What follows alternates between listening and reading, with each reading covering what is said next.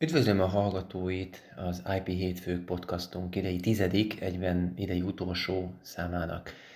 Közeledik a karácsony, úgyhogy eh, a szezont lezárandó még egy tizedik kerek számú eh, podcastot készítettünk a mai napon. Néhány apró hír, eh, hírrel fogom csak kezdeni, utána egy sokkal érdekesebb dologra fogunk áttérni. A mai napon interjút fogok készíteni Temesi Bertalan és Jónás Vera zeneszerzőkkel, előadókkal, nagyon izgalmasnak ígérkezik, mert velük test közelből kívánunk arról beszélni, hogy a Covid milyen hatást gyakorolt a zeneiparra. Még egyszer, mielőtt erre rátérnénk, néhány apró hír az elmúlt eh, hetekből. Az egyik legérdekesebb eh, anyag, ez nem is hír igazából, inkább egy, egy blogbejegyzés, amelyet Rebecca Tusner készített, méghozzá néhány nappal ezt megelőzően. Ő a blogján összefoglalta, hogy melyek voltak a 2020-as legfontosabb amerikai szerzőjogi fejlemények. Egy rendkívül hosszú, vaskos, részletes, és még csak nem is minden elemében kifejtett, részletesen nem kifejtett írást olvashatunk az ő blogján amely nagyon alaposan áttekinti, melyek a legfontosabb jogalkotási, illetve joggyakorlati kérdések, például a védett művek, a szerzőség, a jogsértések, a személyhez fűződő jogok, vagy éppen a fair use doktrina vonatkozásában. Ilyenkor döbbenek arra rá, hogy csak egy töredékét látom én ezeknek a híreknek, és elemzem le azokat a Copy 21 blogon, ennél sokkal, sokkal több első, másodfokú, illetve legfelsőbb bírósági döntés születik az Egyesült Államokban. Javasolom azoknak, akik az összehasonlító szerzőjog iránt érdeklődnek, hogy ezt a blogbejegyzést nézzék meg, és tartsák nyitva a szemüket, ugyanis 2021-ben számottevő jogalkotási és gyakorlati fejlemények várhatóak még az Egyesült Államokból.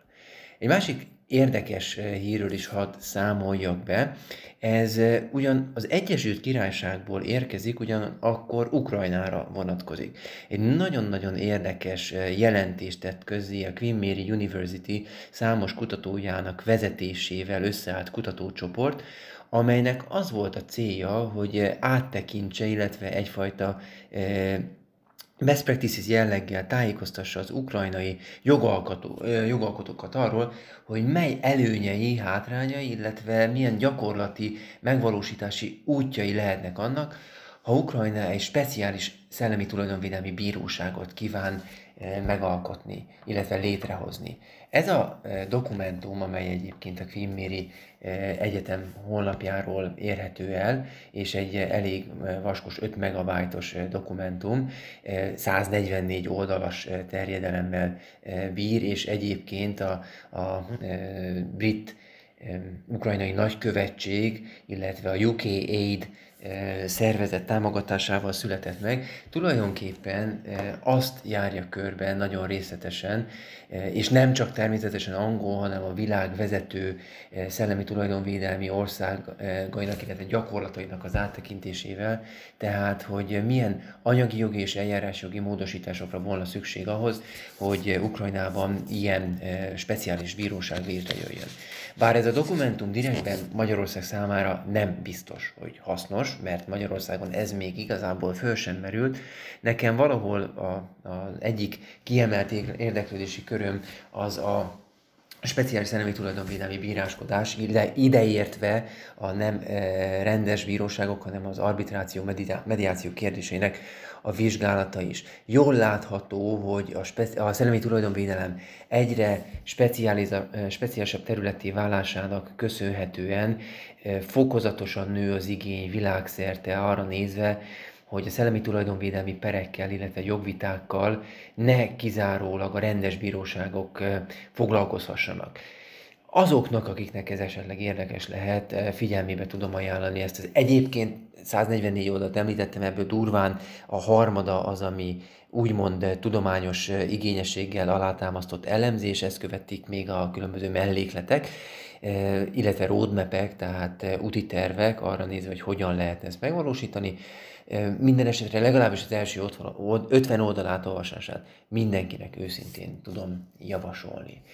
Lehetne ezeken felül még egyfajta évlezáró jelleggel számot adni arra, hogy az Európai Unió Bírósága az elmúlt hónapokban több olyan szellemi tulajdonvédelemmel kapcsolatos döntést is hozott, amelyek, ha nem is szükségképpen újítják meg, vagy vagy hát egészítik ki számottevő módon a szerzőjogsz területét, de vannak olyanok, amelyek fontosak lehetnek az európai szerzői jog iránt érdeklődnek. Olvashattunk nem is olyan rég arról, hogy a bírósági eljárások keretében benyújtott, felek által benyújtott dokumentumok nem tekinthetők nyilvánosság számára hozzáférhetővé tett tartalmaknak. Olvashattunk arról is, hogy a bérletirányelv az eredeti, illetve a módosított 2006-os bérleti irányelv alapján járó méltányos díjazás összege összegébe, illetve méltányos díjazás jár-e abban az esetben, hogyha audiovizuális tartalmakba hangfelvételek kerülnek elhelyezésre. Én most ezekkel egy podcast keretében túlzottan szakmai anyagokról van itt szó, nem szeretnék foglalkozni, de a blogon még az év végéig igyekszünk erre egy rövidebb bejegyzést szánni. Nem húzom tovább az időt, mert említettem, hogy számomra is sokkal érdekesebb a mai napon egyfajta évadzáró jelleggel annak a riportnak az elkészítése, amelyben végre valahára sikerül hölgyet is megszólaltatnom a eh, podcast keretében. Ezt valahogy az élet úgy hozta eddig, hogy eh, urakat sikerült eddig csak megkérdeznem. Hála az égnek, Temesi Bertalan barátomnak köszönhetően most már hölgyet, Jónás Verát is sikerült elérnünk. Tehát további szófecsérlés nélkül hívjuk is a két kiváló zenészt előadót. Üdvözlöm az IP Hétfők podcast idei záró eh, tizedik számának eh, hallgatóit. Az előzőekben eh, ismertetett rövid hírek után, ahogy ígértem, egy interjúval készültem a mai napra, amelyet két kiváló magyar zeneszerző előadóval, Jónás Verával és Temesi Bertalannal szeretnék készíteni. Veráról érdemes tudni, hogy ő énekes dalszerző, a Jónás Vera Experiment zeneszerzője, illetve előadója, Temesi Bertalan pedig az ő esetében sok, tehát úgymond több kifejezést tudnék használni, mert zeneszerző, előadó, zenei rendező, producer, és még rádiós műsorvezetőként is hallhatunk róla a mindennapokban. Azt kell, hogy mondjam, hogy két nagyon kiváló magyar zenész fogadta el a meghívásomat már. Sziasztok! Hello! Szép napot mindenkinek! Nagyon szépen köszönöm, hogy csatlakoztatok ehhez a kezdeményezéshez, hogy podcast jelleggel beszélgethessünk a szerzőjogról, illetve annak mindennapi érdekességeiről. Két héttel ezelőtt az SZDH elnöke Pomázi Gyula adott nekem interjút egy szerzőjogi jelentéssel kapcsolatban, aminek utolsó gondolataként arról beszélgettünk, hogy a COVID milyen réteg hatásokat gyakorolt a kreatív iparra, erőteljesen érintette azokat a területeket, amelyek a személyes jelenlétet igénylik, illetve relatíve kevésbé érintette azokat, amelyeket távolból is lehet végezni. Igazából a mai interjúnak ez a kiinduló pontja és apropója. Engem az érdekelne, hogy titeket, mint gyakorló eh, kreatív alkotókat, előadókat ez a COVID pandémia időszaka eh, hogyan is eh, érintett, mi a tapasztalatotok. És igazából egy nagy általános kérdéssel kezdem, és Vera esetleg válaszoljál mondjuk te majd elsőként, hogy ti milyen tapasztalatokat eh, gyűjtöttetek az elmúlt hónapokban, hogyan érintett titeket a zeneszerzés, az előadó művészi eh, eh, vénátokat illetően, illetve térjetek már ki arra, hogy az álláspontotok szerint a streaming világa tud-e tudja-e befolyásolni a ti mindennapjaitokat egy ilyen pandémiás időszakban? Fú, hát ez ugye egy jó nagy kérdés. nyilván nem fogok nagy meglepetést okozni az, hogy elmondom, hogy hát nyilván nagyon nehéz időszak volt ez, ez nekünk is, zenészeknek, dalszerzőként is, meg, meg színpadi emberként is eléggé megcsappant a koncertjeink száma, szinte lenullázódott. Megmondom őszintén, hogy nekem beigazolódott az az álláspontom, amit igazából én Angliában ö, tanultam dalszerzést, és ott nagyon erősen megtanultam azt, hogy, hogy lehet, hogy világsztár lesz belőlem, vagy belőlünk, akik ott tanultunk, de nagyon pici a valószínűsége annak, hogy csak ebből fogunk élni, és mindig arra neveltek minket, hogy próbáljunk minél több lábon állni zenészként. És, és ez egy ilyen helyzetnél maximálisan beigazolódott, hogy akkor tudok fennmaradni, hogyha, hogyha sok zenei ö, munkakörben ö, megtalálom a, a helyem, és ilyen szempontból egyébként nekem egy nagyon izgalmas új ö, oldalt nyitott, és az a tanítás, ami eddig nekem, én nem is tudtam, hogy egyáltalán tudok tanítani bármit is, vagy hogy át tudom adni azt, amit én, amit én használok, mint dalszerző, meg mint énekes, de, de, de ez egy ilyen fantasztikus új meglepetés volt számomra, főleg azért, mert direkt úgy is írtam ki a hirdetést erre, hogy, hogy, hogy én a hangképzés mellett igazából nem, nem csak az érdekel a, a zene a zenében, levésben, hogy, hogy, hogy az ember hogy énekelje ki a magas C-t, hanem az is, hogy hogyan veszten el a, a zenében, mint, mint énekes, mert én ezt így nagyon sokszor megélem színpadon, stúdióban, próbatermekben, úgyhogy nagyon sokat tanulok a tanítványaimtól is, és, és egy teljesen új világ nyílt ki ezáltal, Visszatérve az eddigi ö, ö, stream, meg, meg koncert és, és az én zenészi létemre, tehát hogy nyilván lecsap, lecsappadtak a koncertjeim, egy millió online koncertet adtam Instagramon, Facebookon, különböző TV stúdiókban, meg, meg, meg csak sima zene stúdiókban, ahol élőben nézett a közönség, vagy konzerv anyagot gyártottunk, amit később adott le a TV, vagy valamilyen online felület.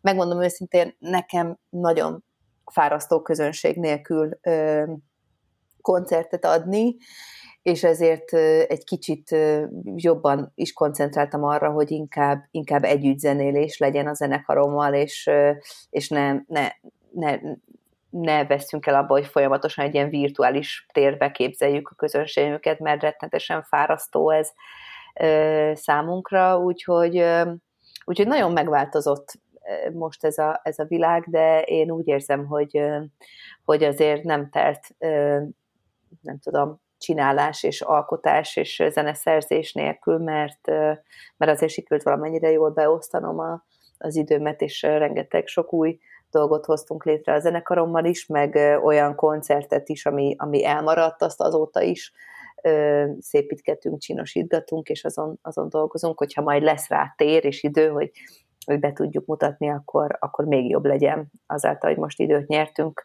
az ezen való dolgozásom. Szerintem egy nagyon érdekes dolgot említettél azzal, hogy közönség nélkül nagyon nehéz előadni, illetve akár mondhatnám úgy is, hogy élvezni ezt az egészet. Egy egyszerű egyetemi oktatóként ugyanezt mondom, hogy borzasztó a képernyőbe beszélni és úgy oktatni a hallgatókat. Nem tudom, Berci, neked mi a tapasztalatod? Te hogy élted meg ezt az időszakot? Mint zeneszerző, mint zenei producer, mint előadó? Ketté választanám az időszakot nekem a márciusi stop okozott egy kis érdekes életváltást, de igazából, hogy őszinte legyek, márciusban nem éreztem meg ezt ennyire. Ez annak köszönhető, hogy én alapvetően itthon dolgozom, itthon van a stúdió, TV műsorokhoz nagyon sok zenei produktumot gyártunk le tulajdonképpen, illetve hangszerelések készülnek. Tehát igazából nekem a, az az időszak, amikor bezártunk zeneileg márciusban először, olyan szempontból változott csak, hogy a koncertek lemondódtak, de nekem sosem a koncert volt az a bevételi forrás, ami igazán a, a kenyeret az asztalra teszi, Ilyen szempontból én azt, azt kell mondjam, hogy túl nagyot nem változott az életem, hiszen én végig dolgoztam igazából az egész évet, tévéműsorok, dalszerzés, lemezkészítés, és a többi, és a többi, tulajdonképpen ezzel telt az időm. Az őszi igazán nagy stop, az viszont okozott egy elég markáns változást olyan szempontból, hogy Októberben jelent meg a szimfonikus nagylemezem, ez a negyedik saját szólólemezem volt, ami kifejezetten szimfonikusokra lett írva, és igazából októberben lett volna ennek a nagy lemezbemutatója, ami ezen elmaradt sajnos. 40. születésnapomra készült, és úgy terveztem, hogy egy nagy koncerttel be is mutatom ezt a szimfonikus nagylemezt. Ez elmaradt, és így tulajdonképpen megmaradt a lemez megjelenés, ami mondhatjuk azt, hogy tulajdonképpen csináltam egy gluténmentes, teljes kiörlésű, speciális kiflit, miközben zárva van a pékség. É, és igazából ö, akármennyire is életem egyik legmeghatározóbb lemezét írtam meg szimfonikusokra, ö, partitúrával és mindennel, és 70 fős szimfonikus zenekarra, igazából lehúzhatom a WC-n olyan módon, hogy, hogy nem tudok igazából vele mit kezdeni, azon kívül, hogy, hogy minden online felületen természetesen elérhető. Ebből viszont pénzt jelenleg nem lát az ember, ezt el kell mondjam. A másik viszont mi érdekesség, hogy ahogy megjelent a lemez, én egyáltalán nem azon kezdtem el gondolkozni, hogy úristen, most akkor hogy lesz a következő lemez, vagy mit fog csinálni, hanem egyszerűen elkezdtem azon gondolkozni, hogy jövőre hogyan tervezem ennek a lemeznek a bemutatóját, hiszen még mindig 40 éves leszek jövő októberig, és valahogy ezt szeretném bemutatni a művában. És elkezdtem szervezni, csak ugye kicsit problémás jelenleg szervezni bármit is, már csak azért is, mert koncertszervező ismerőseim 2022-ig nem is szerződnek jelenleg. Uh-huh. Tehát 2022 után kezdenek el szerződni jelenleg. Másrészt az ismeretségi körben látva azt, hogy gazdaságilag hogy állnak a dolgok, azt mondják, hogy nagyjából mire újraépülünk, az egy öt év. Ennek köszönhetően, mivel külföldi sztárvendégek is lettek volna Amerikából, nagyon nehéz megszerveznem ezt a dolgot. És egyszer csak itthon ültem, és egy hét alatt megírtam az ötödik nagylemezt. És konkrétan ma készültem el az egész hangszere. Gratulálok! Úgyhogy igazából én arra használtam ki ezt az időt, hogy dalokat írtam, Mindeközben pedig elég sok tévés megkeresés jött, hiszen az emberek nagyon sokat néznek jelenleg tévét, és nagyon sok műsor gyártódik, amihez nekem rengeteg főcímzene, háttérzene, dalok, ami konkrét zeneként jelennek meg, nem csak háttérzeneként vagy főcímzeneként, hanem klippes dalként is megjelennek. Azok is tulajdonképpen megrendelődtek így módon, úgyhogy elég sok munka van, és igazából a munka, munka az nem állt le így módon. A koncertezés viszont igen, és mivel én pályázati vonalon is elég aktívan tevékenykedem, illetve különböző szociális segélyek megszavazásában is részt veszek a jogdíjbizottságnak köszönhetően az előadói jogvédő. Így nagyon sok időt szántunk arra, hogy hogy tudunk ebben a jelenlegi időszakban akár szociális segélyeket kiosztani, plusz összegeket előteremteni arra, hogy segítsünk a muzsikus társakon. Úgyhogy ebben is elég sok munka volt, és hát elég szomorú száraz tények vannak sajnos. Rengeteg kollégánk kiváló, világhírű basszusgitáros kolléga, biztonsági őr, mm, a tanszak kiváló zongoratanára éppen ételfutár, van, aki építkezésen dolgozik, hiszen azok nem álltak meg. Én ezt látom jelenleg, független attól, hogy nem voltam sosem pessimista, azért is mondtam, hogy ketté választanám a dolgot. Én márciusban még azt mondtam, hogy nekem jól is esett egy picit a, a az őrült nagy hajtásból most egy picit visszavenni és a családra koncentrálni. Viszont most ősszel azt érzem, hogy pszichésen én azt gondolom, hogy most jutott el az emberek agyáig, és be kell vallani őszintén az én agyam is az, hogy valami nagyon nincs rendben. Igen. Szóval Igen, ez egy nagyon-nagyon...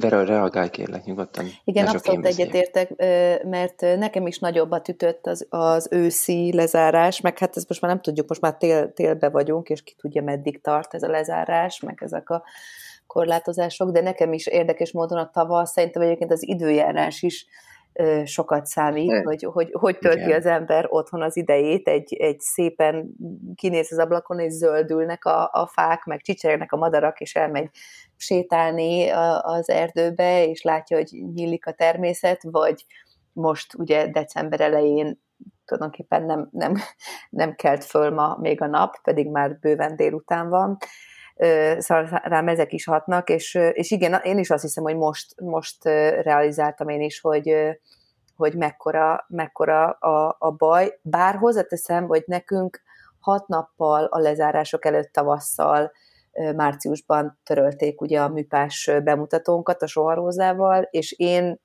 tehát nyilván ez egy ilyen nagy szívfájdalom volt, de ugye akkor elindult, ami nekem, mivel én főleg koncertezésből éltem eddig, nekem borzalmasan fárasztó volt az, hogy, hogy elindult egy ilyen újraszervezés, hogy jó, akkor lehet, hogy most márciusban, áprilisban nincs, de azért júniusban már lesz és akkor júniusban nincs, de azért augusztusra már lesz. Jó, akkor augusztusban nincs, de akkor majd októberre is ezt. Uh-huh. Tehát vannak olyan fesztiválok, ahol négy-öt különböző időpontot kaptam egy, folyamatosan eltolva, és aztán mindegyiket lemondták a végére, és az az érdekes, hogy valami, pedig nem szoktam annyira jól megérezni ezeket, de én márciusban már azt mondtam, hogy figyeljetek, én én szerintem idén már nem lesz semmi. Tehát, hogy ez, ez, ez most úgy tűnik, hogy annyira nagy gáz jön, hogy, hogy én, én, én inkább, én inkább szeretném, szeretném egybe látni azt, hogy jó, akkor idén nagy levegő, és akkor valahogy, valahogy összeszedem magam, és, és új utakat keresek, mint az, hogy tologassuk. És akkor mindenki azt mondta rám, hogy én egy pessimista gondolkodó vagyok, pedig, pedig én nekem sokkal könnyebb úgy tervezni, hogy tudom, hogy jó, akkor most nem tudom, kilenc hónapra kell berendezkednem, vagy akár több évre, hogy, hogy kreatívan fel kell találjam magam, és valami, valami megoldást találni, hogy, hogy hogyan, hogyan éljem túl. És, és aztán ez be is igazolódott, mert, mert én minden, minden bejött nyári koncertidőpontot csak ceruzával írtam be, hogy jó, jó, majd meglátjuk. És ott mondjuk azért nyáron, az, nyár az, szerintem azért is ütött ekkorát az őszi vagy téli korlátozás, mert a nyarunk azért az nem volt annyira rossz, tehát ott elkezdett minden kinyílni, uh-huh. újra bizonyos fesztiválok, koncertek mégiscsak meglettek tartva, mivel én nem vagyok egy nagy mainstream előadó, ezért nekem az 500 fős korlátozás az teljesen belefért, tehát én, nekem így lehettek azért koncertjeim, és, és aztán erre rá egy sokkal erősebb korlátozás össze, ráadásul ez a kiárási tilalom, ez azért eléggé, eléggé kemény. Igen, Igazából mondhatnánk, hogy matiné koncerteket is tarthatnál, de nem é... akarom elviccelni a, a dolgot. Hogy milyen koncerteket? Berci, nem, mondom matiné koncerteket, de, de nem akarom elviccelni. De Berci, nem tudok tartani, mert az se lehet, tehát hogy most már ugye semmi. A csodába. Ja, jó, bocsánat, most csak az éjszakai igen, dologra próbáltam igen, igen, igen. egy nagyon ócska viccet mondani. Berci? E, igazából a nyarunk az teljesen lenullázódott. Én, én elsősorban nem a klubozás vonalon dolgoztam mostanában. A 22 évből, amit eddig a pályán töltöttem, 15-öt aktív muzsikusként csak a színpadon élve és társszerzőként, zenekarban részt vevő zenészként írtam dalokat. Ez az elmúlt 7-8 évben igazából erősen változott, és elsősorban a zeneszerzői, produceri munkáim kerültek előtérbe, és próbáltam nem minden áron a színpadon állni, csak akkor, hogyha jó emberekkel, jó körülmények között valami jót csinálunk. És ennek köszönhetően én magam döntöttem úgy, hogy a koncertjeim számát egy kicsit redukálom, mert nem szeretnék minden áron elkövetni azért bármit is, hogy minden áron színpadon legyek akármi is történik. Mert volt 15 erős évem, amikor volt, hogy napi négy koncert volt, volt olyan évem, hogy 184 élő koncertet adtam, és igazából egy idő után az ember átértékeli ezeket a dolgokat, és csak ennek volt köszönhető az, hogy most nem kell más irányt venni az életemnek, hanem már úgy rendezkedtem be, hogy alapvetően a saját stúdiómban, produceri munkákat, zeneszerzői munkákat ellátva, illetve egy saját stábba dolgozva embereknek munkát adva tudok létezni, és azért hálás vagyok a jó Istennek, hogy ilyen lehetőséget adott, hogy jelenleg nem is magamon kell gondolkoznom, hanem inkább azokon, akiket segíteni szeretnék. Így módon döntöttem úgy például, hogy az online felületet, ahol zenét oktatok, egy picit felfüggesztettem, és kértem mindenkit, hogy mindaz, aki látogatott engem, látogassa meg most azokat a oktató kollégákat, akik sajnos nem tudnak színpadon állni, viszont a tudásukat szívesen átadnák. Úgyhogy én félbeszakítottam az online oktatásomat, és minden olyan kollégámnak a telefonszámát begyűjtöttem, akik oktatásból élnek jelenleg most ebben a pandémia időszakban, és hozzájuk küldtem el az összes olyan tanítványomat, vagy akár online ö, tanulni vágyót, aki eddig ö, tőlem informálódott. Úgyhogy igazából én megfordítottam ezt az egészet, és igyekszem most kollégáknak segíteni elsősorban, mert én azt gondolom, hogy nagyjából meg vagyok. Ez nagyon jó hallani egyébként, hogy van, akinek lehetősége, illetve szerencsére szellemisége is olyan, hogy másokon is tudjon segíteni.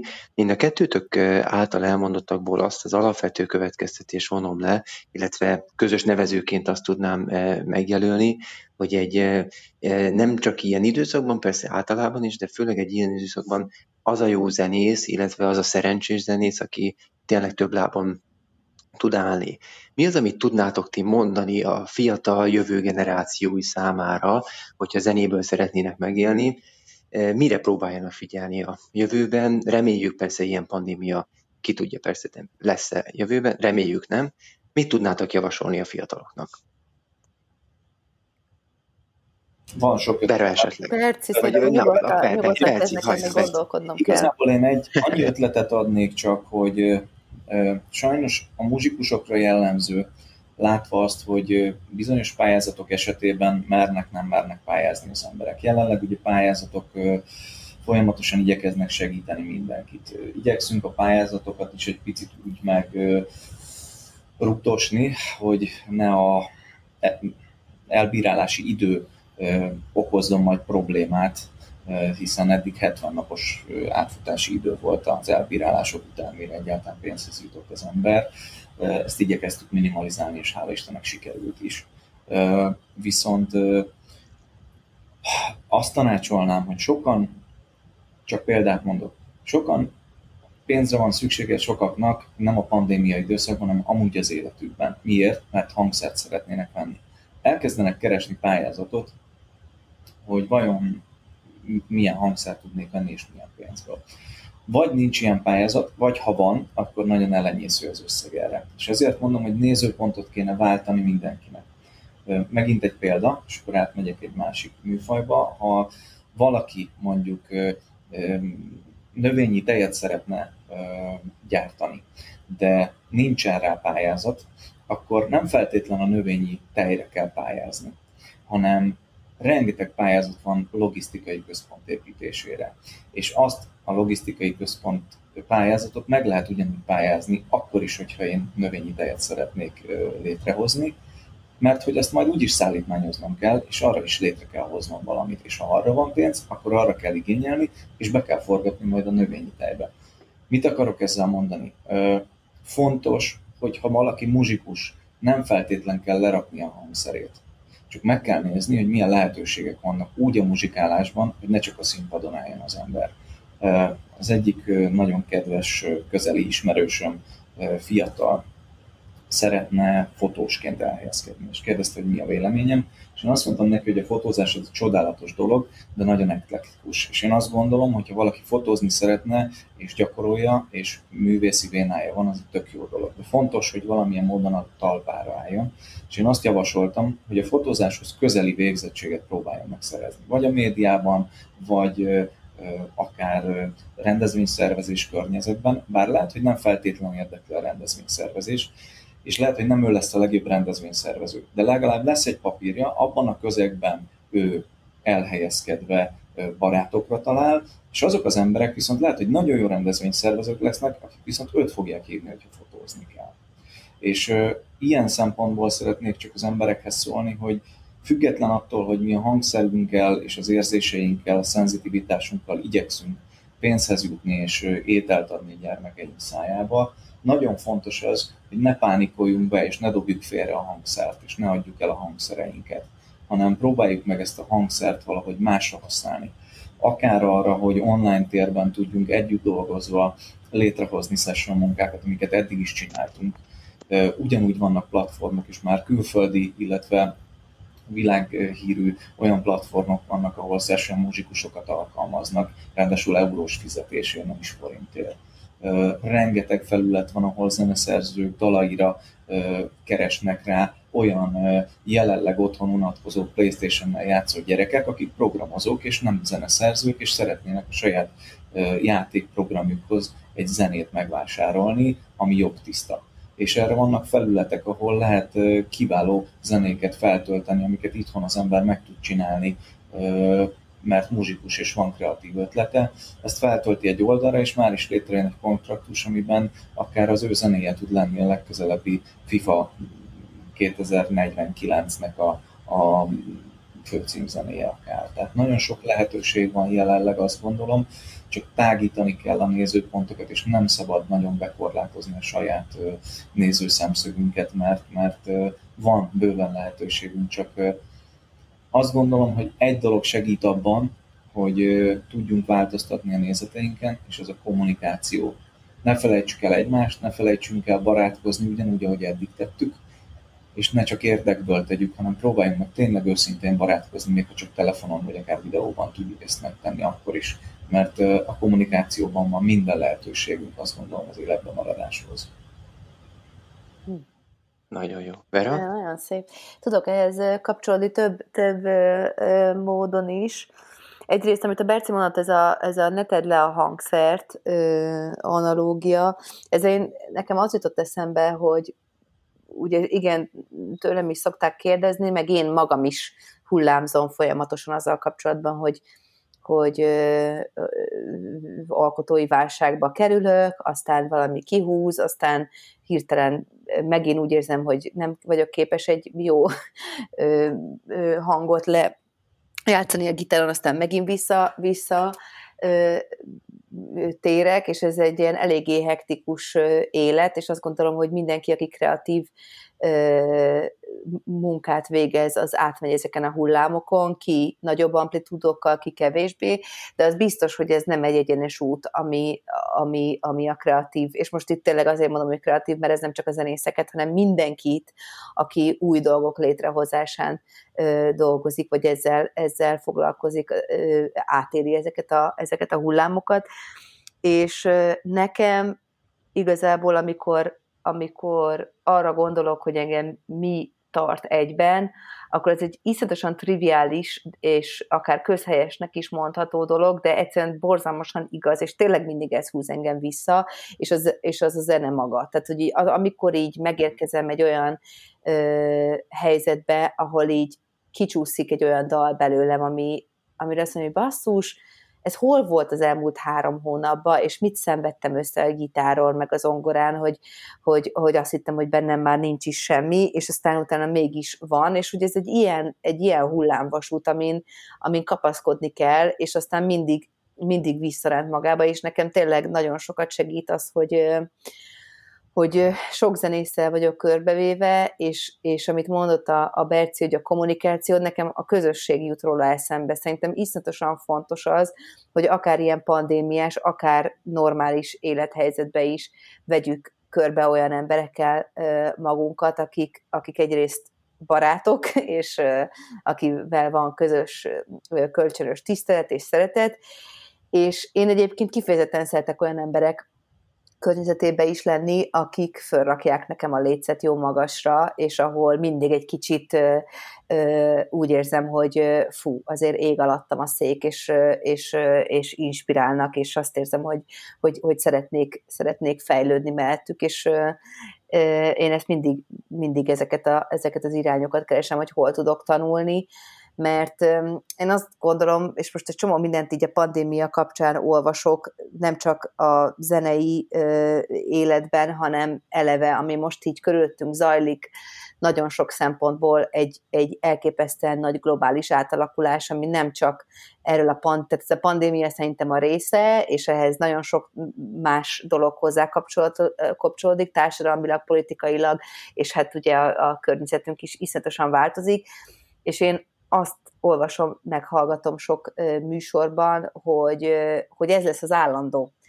És, és ezért én ezt a pandémiát is próbálom úgy szemlélni, hogy itt nem az van, hogy ez majd így túl leszünk ezen, és akkor utána minden visszavált a régire, és akkor megint jönnek a fesztiválok, meg a felkérések, meg ez, meg az, hanem most szerintem beléptünk egy olyan erába, ahol a bizonytalanság lesz a, a normális, ahol rengeteg dolog fog változni körülöttünk, és nekünk tényleg valahogy ebbe a furcsa gumicsónakban egyensúlyoznunk kell majd ö, ö, tovább, mert nincsenek igazából szabályok, és amikor azt kérdezed, hogy mit tanácsolnék, én én, én a legtöbb helyen azt láttam, hogy a legnagyobb erőforrás, ami, amit egy ember ma ö, ö, megszerezhet, vagy amiben az embernek a legfontosabb, hogy fejlődni tudjon, az az adaptációnak a képessége, és nem az, hogy én legyek a legjobb énekes a világon, vagy a legjobb gitáros, vagy a legjobb dalszerző, vagy a legjobb, hanem az, hogy képes legyek váltani és alakítani magamat és a, és a, az erőforrásaimat a különböző változások közben, mert mert én olyan azt látom, hogy, hogy, hogy ebbe a világba kezdünk, vagy már ugye nyakig benne is vagyunk, és nagyon fontos, hogy tudjunk, tudjunk váltani, és ahhoz szerintem egy nyitott ö, szemléletű ö, tehát nyitott szemlélettel kell állni a, a világhoz, amit a Berci is mondott, kommunikálnunk kell, közösségeket kell keresni, ahol, ahol akár meg is oszthatjuk a nehézségeinket, és, és ebben közösséget tudunk vállalni másokkal, illetve hogy tanulni tudjunk. Nekem azt hiszem, hogy engem mindig az tud jól leföldelni, hogyha visszaülök valamilyen módon az iskolapadba, és egyébként én is most elkezdtem egy gitártanárhoz járni, aki egyébként a, a, a, a fizetségként, amit, amit utalnak neki a diákjai, azt elosztja olyan emberek között, akik rászorulnak,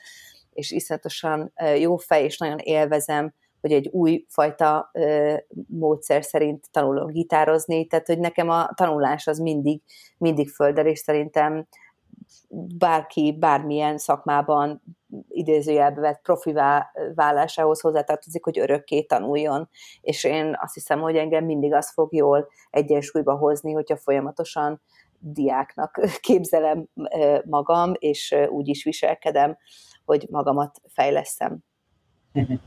Egy ötletem támad még, bocsánat. Mondja, Csak ha visszakanyarodunk arra az a témakörre, amit említettem, hogy ugye ne adjuk el a hangszerünket, arra is kell gondolnom, hogy sajnos nem mindenki jó self-managementből, és ennek köszönhetően én azt gondolom, hogy sokan inkább azt választják, hogy tényleg elmennek építkezésre vagy biztonsági őrnek, amit én megsüvegelek őszintén szólva. Nagyon-nagyon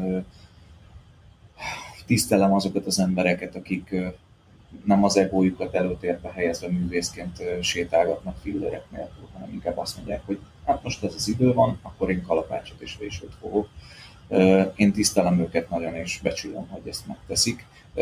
Akik viszont úgy döntenek, hogy nem is biztos, hogy jó biztonsági őrnek, én azt gondolom, hogy az EI például elsősorban a táncművészeknek próbál jelenleg azzal segíteni, hogy továbbképzéseket csinál nekik, hiszen a táncosok életében ugye 30x év után lejár a mandátum. Egyszerűen nem tud 70 évig táncolni az ember a szakmájában is. Ezért olyan keresztképzéseket, átképzéseket külföldről beszippantotta az egy a táncművészek életébe, amiben segíteni szeretne azoknak a fiatalok, de már mégis a szakmáikból kirögedő táncművészeknek, hogy ne munkanélkül tengessék az életüket csak tánchoz értve.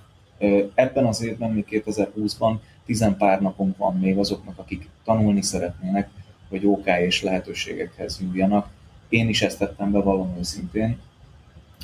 Minden olyan OK és lehetőséget megragadtam, ami gyorsan két-három hónap alatt tud egy papírt és egy szakmát adni. Nekem több is volt már régebről is az életemben. Táncművész is vagy, Berci? Néptáncoltam, de nem vagyok táncművész papíron, de, de a néptáncpedagógus volt, úgyhogy én alapvetően a néptáncból jövök. Azt a... Bejártam egész Európát néptáncosként.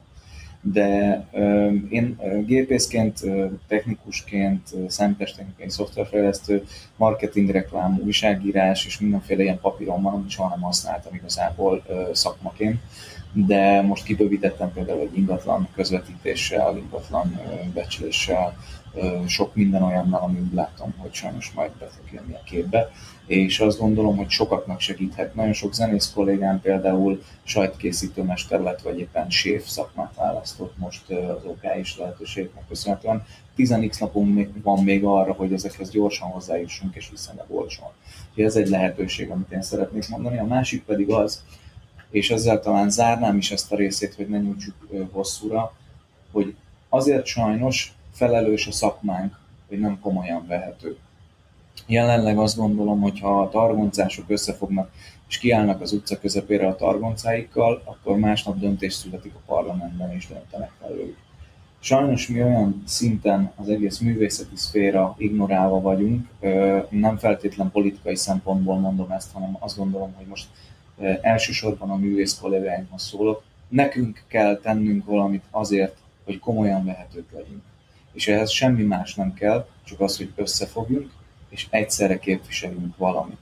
Addig, amíg a szakmánkban széthúzás van, és addig, amíg szegmentálódunk, és folyamatosan picit zenei rasszisták is vagyunk szakmánkon belül, addig lehetetlen összefogást mutatni, lehetetlen egy célt kitűzve, irányt adva azt mondani, hogy ezt szeretnénk, és addig sajnos meg sem hallgatnak.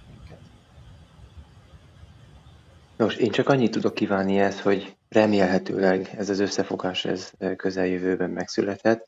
Én nagyon örültem a pozitív, vagy legalábbis optimista mondatoknak is, amelyeket itt a jó tanácsokban elmondtatok. Nagyon bízok benne, hogy a pandémia utóéletében hát, tanulva ezekből az időszakokból, a nehézségekből, de mégiscsak egy előremutató időszakhoz juthatunk majd el 21-ben. Én nektek sok sikert és jó egészséget kívánok még 20 végére, de természetesen már 21-re is azt követően is. Nagyon köszönöm, hogy elfogadtátok a, a felkérésemet, hogy készítsünk interjút, és ha esetleg ezeket a gondolatokat ti is tovább szeretnétek terjeszteni, hát majd osszátok meg az IP hétfők podcastjának megjelenését a Facebookon. Köszönöm szépen, hogy csatlakoztatok. Köszönöm szépen én is. Mi is köszönjük, jó egészséget mindenkinek.